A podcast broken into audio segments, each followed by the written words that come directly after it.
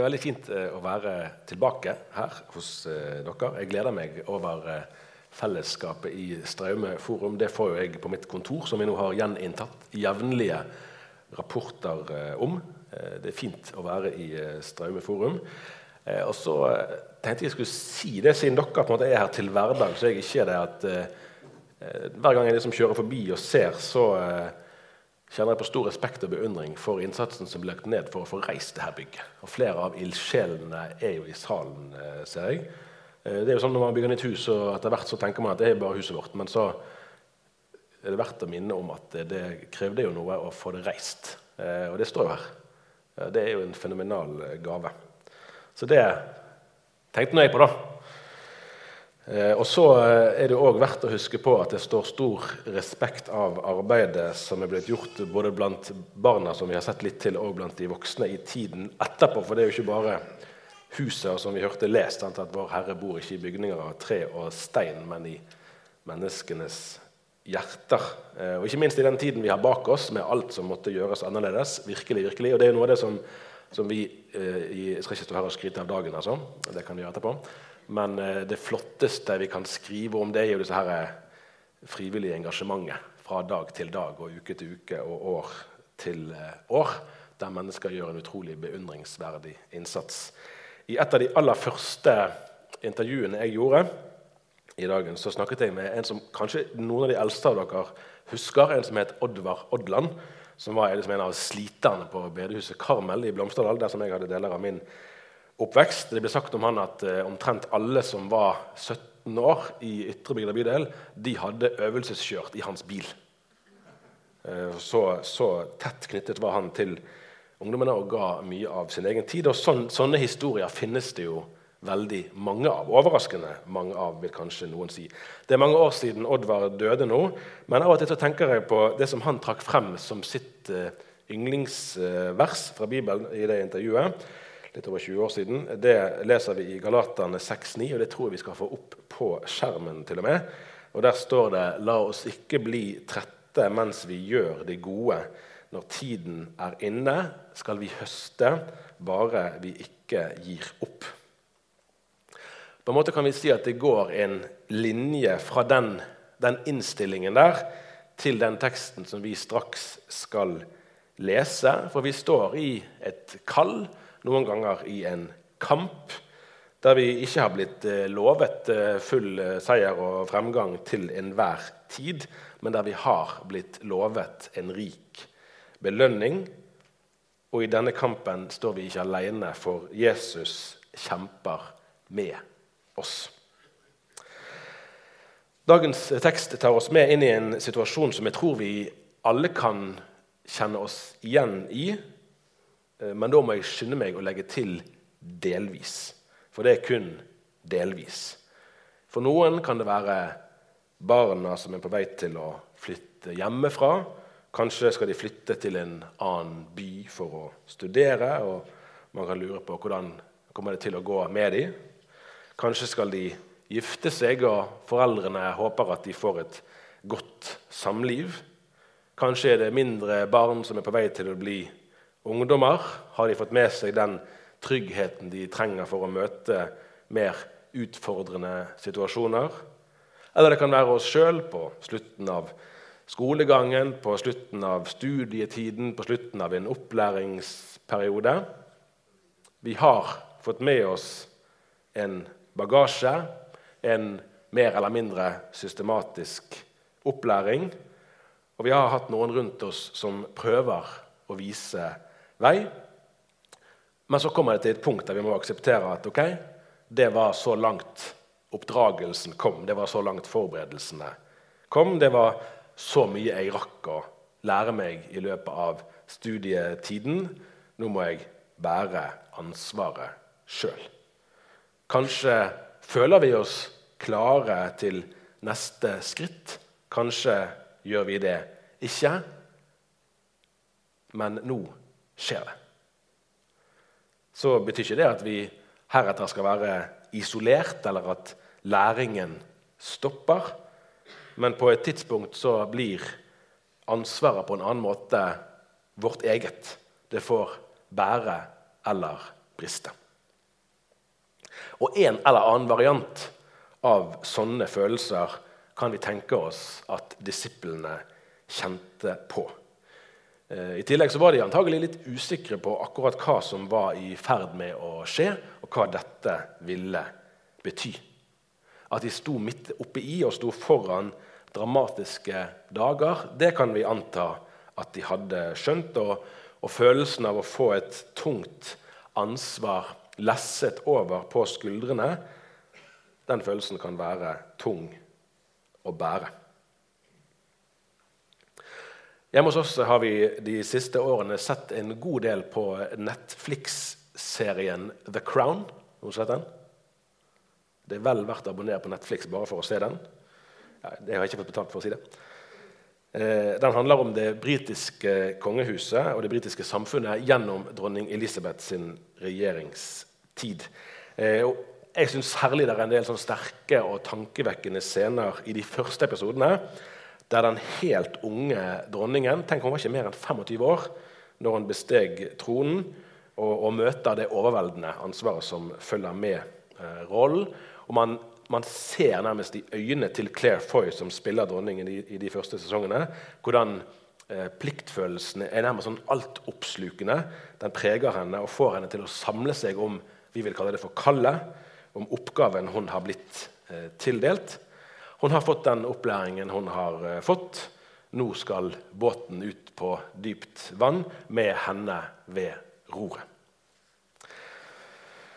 Og Da tenkte jeg det kunne passe å minne om en annen ganske ung kvinne, nemlig Lina Sandell, som i 1861, når hun sjøl var 29 år, skrev den teksten som vi nettopp sang, eller hørte sunget, eh, som har stått seg i over 150 år. og Vi skal også få opp den, så kan vi dvele bitte litt ved det. O Jesus, åpne du mitt øye, så jeg kan se hvor rik jeg er.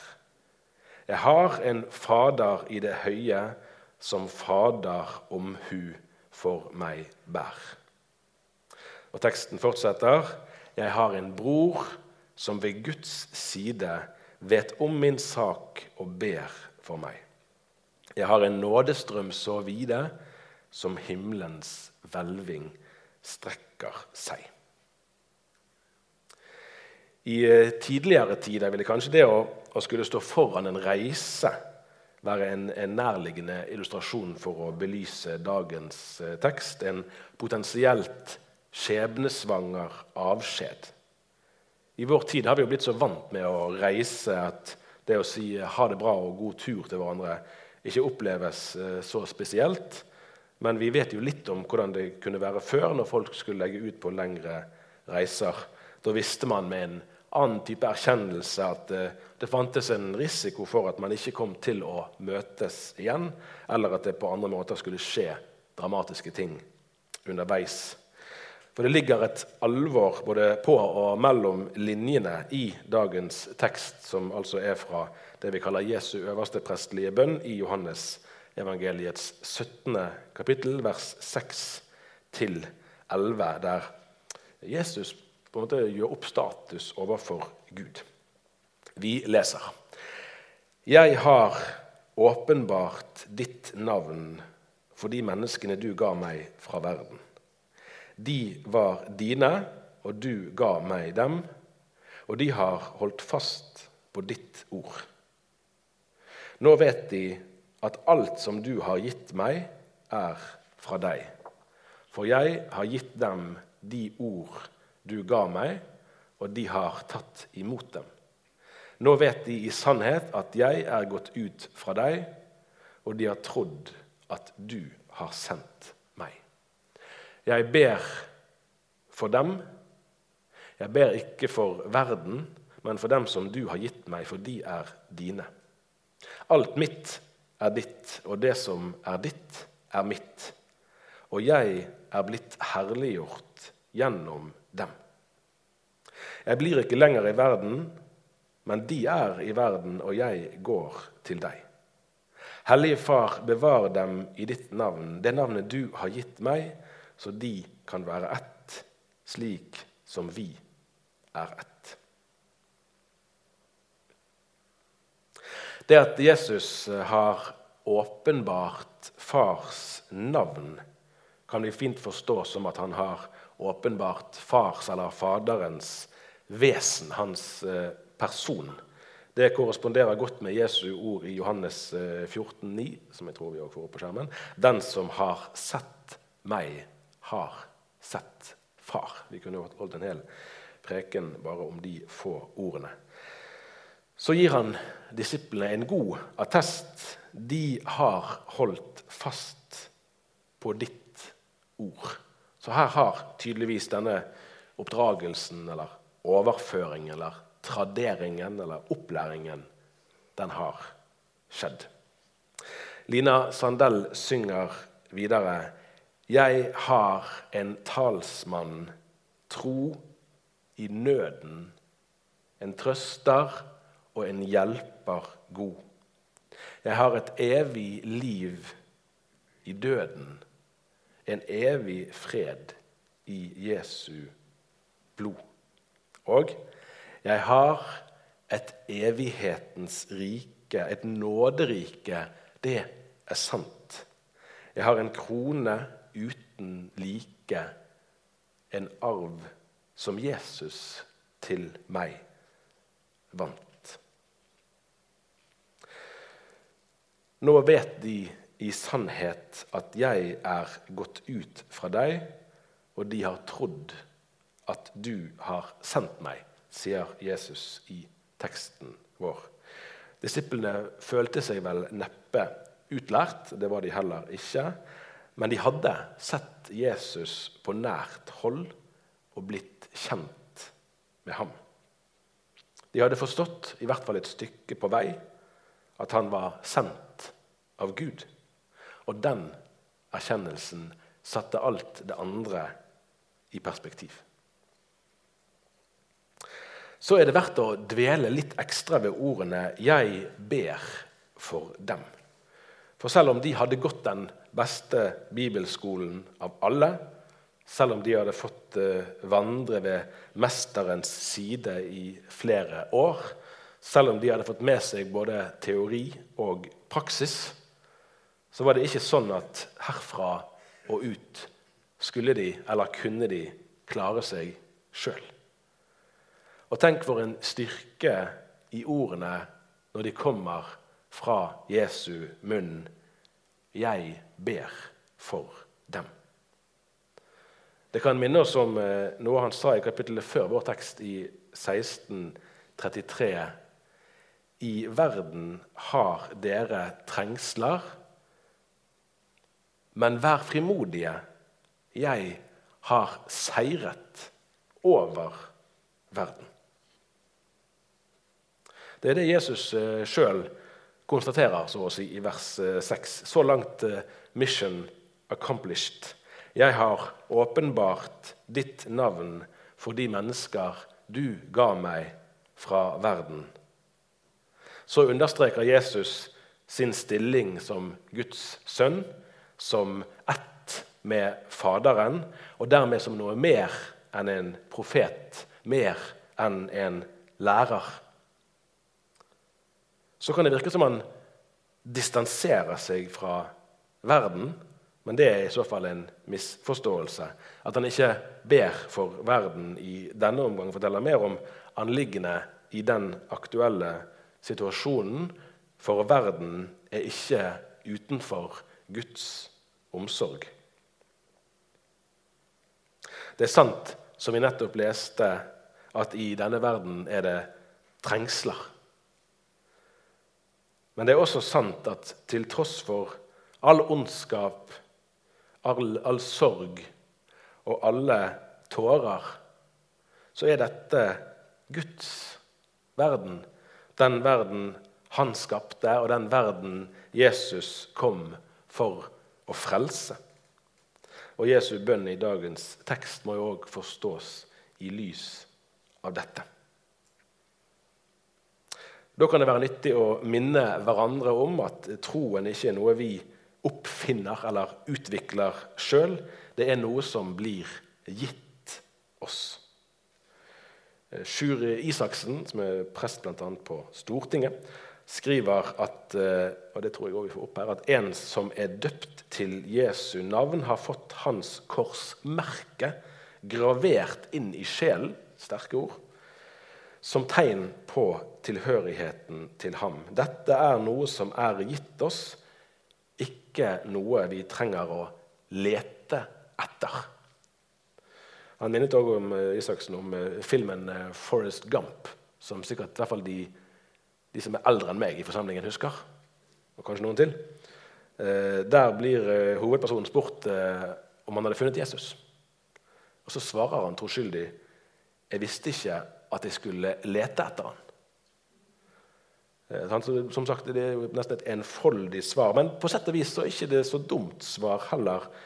For vi trenger ikke å leite høyt og lavt. Er Jesus her? Er Jesus der? Når vi skal få tro at han er her, midt iblant oss. Og så er det noe, noe forunderlig, noe nesten utrolig, som Jesus sier om hvordan herliggjørelsen, hvis det er et ord, skal finne sted. Og Dette skriver Olav Skjevesland, tidligere biskop, om. Nemlig det er bemerkelsesverdig at Gud blir herliggjort gjennom våre ufullkomne forsøk på å leve for Kristus. Ufullkomne, det er de.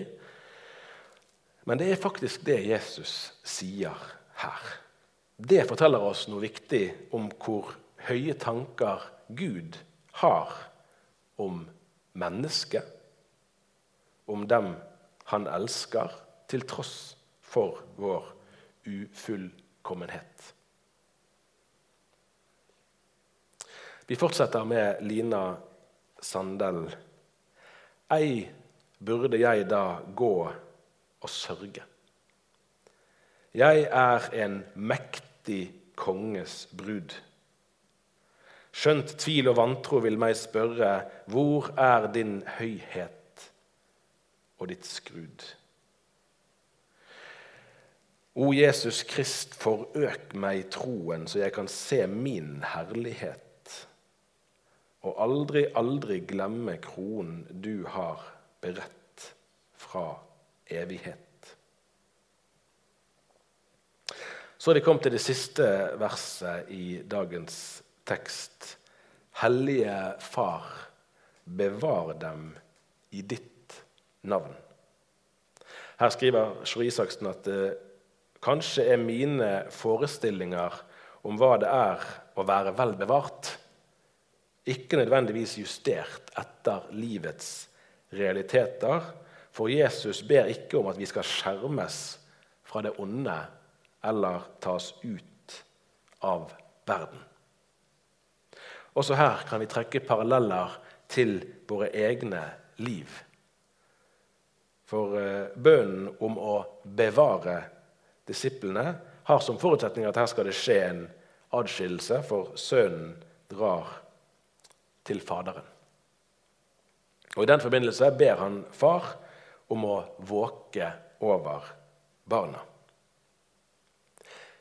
I de situasjonene vi var innom til å begynne med, der vi står foran ulike slags overganger, kan vi i våre tanker og bønner, eller ved å spore telefonene våre, følge med på hva som skjer med våre kjære, fordi vi så gjerne vil beskytte dem og se til at det går godt for dem.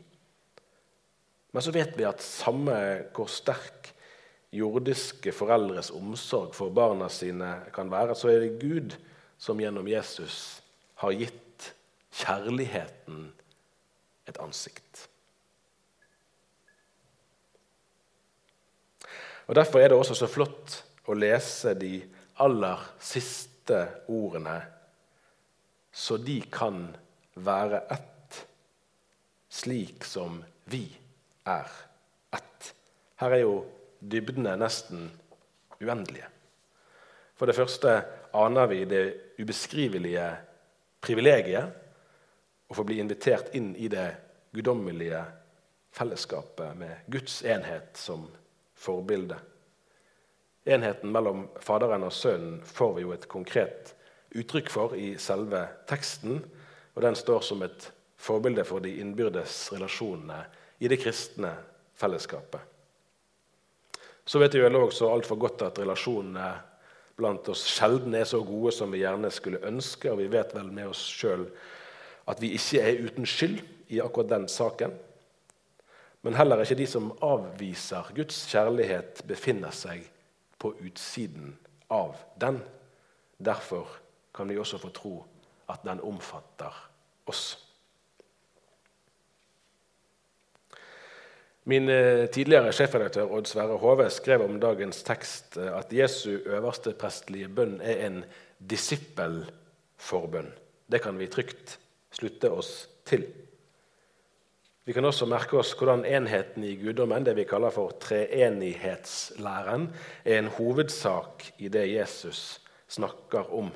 Det disiplene har fått overlevert, det troskapen deres har som utgangspunkt, det er nettopp enheten i Gud, slik den blir beskrevet her, for Jesus bærer Guds navn. Og Slik blir også vår identitet knyttet til Kristus når vi blir Guds barn. Vi får del i en identitet som vi sjøl ikke har utviklet eller etablert, men som vi har fått.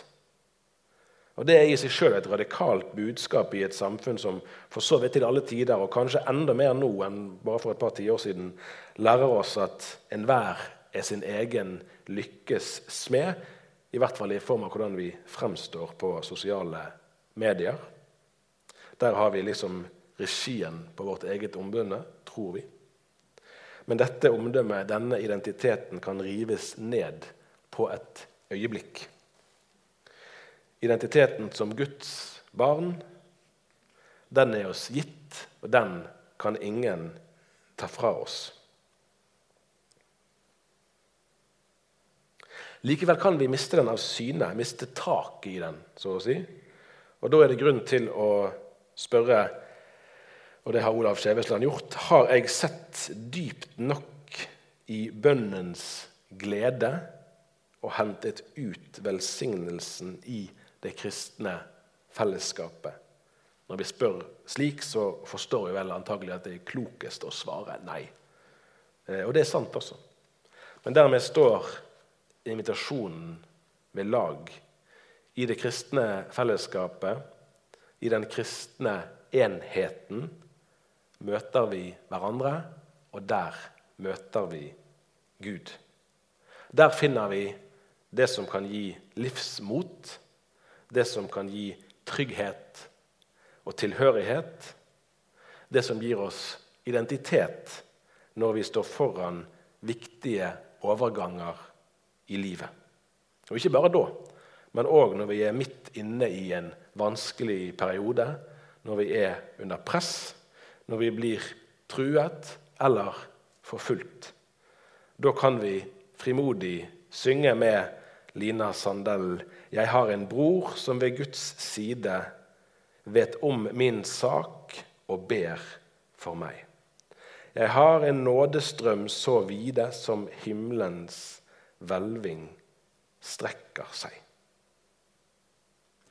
Ære være Faderen og Sønnen og Den hellige ånd, som var, er og blir en sann Gud fra evighet og til evighet. Amen.